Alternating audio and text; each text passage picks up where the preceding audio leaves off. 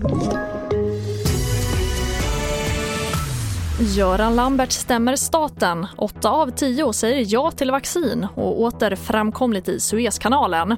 Ja, här är TV4-nyheterna som börjar med att toppjuristen Göran Lambert stämmer staten på en miljon kronor för att han häktades under våldtäktsutredningen mot honom. Lambert anser att rättsväsendet behandlat honom fel och att frihetsberövandet orsakat publicitetsskada.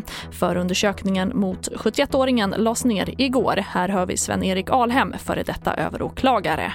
Han har precis samma möjlighet som alla andra att kräva staten på någonting som har, finns som grund att han har varit frihetsberövad utan att ha lett till åtal.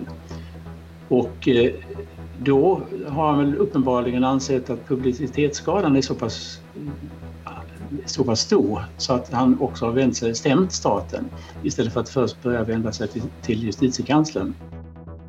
Och trots rapporter om biverkningar så har svenskarnas vilja att vaccinera sig mot covid-19 ökat. Det visar en SIFO-undersökning gjord på uppdrag av TV4 Nyheterna. 83% säger ja till vaccin och de flesta verkar inte bry sig om vilket vaccin de får. Bara 8% av de tillfrågade säger nej. Men jag tror att det beror på att, att kunskapen kring vaccinationerna och eh, rapporter som framförallt från Israel då, eh, där man nu har varit eh, väldigt tidigt ute och vaccinerat och ser redan nu väldigt positiva effekter. Jag tror att, att det här med att kunskapen växer fram stärker viljan att vaccinera sig och det kommer säkert att fortsätta så. Och det sa John Albert, professor i smittskydd och virologi. Och vi avslutar med att under dagen har ett intensivt arbete pågått i Suezkanalen efter att ett stort containerfartyg gått på grund där.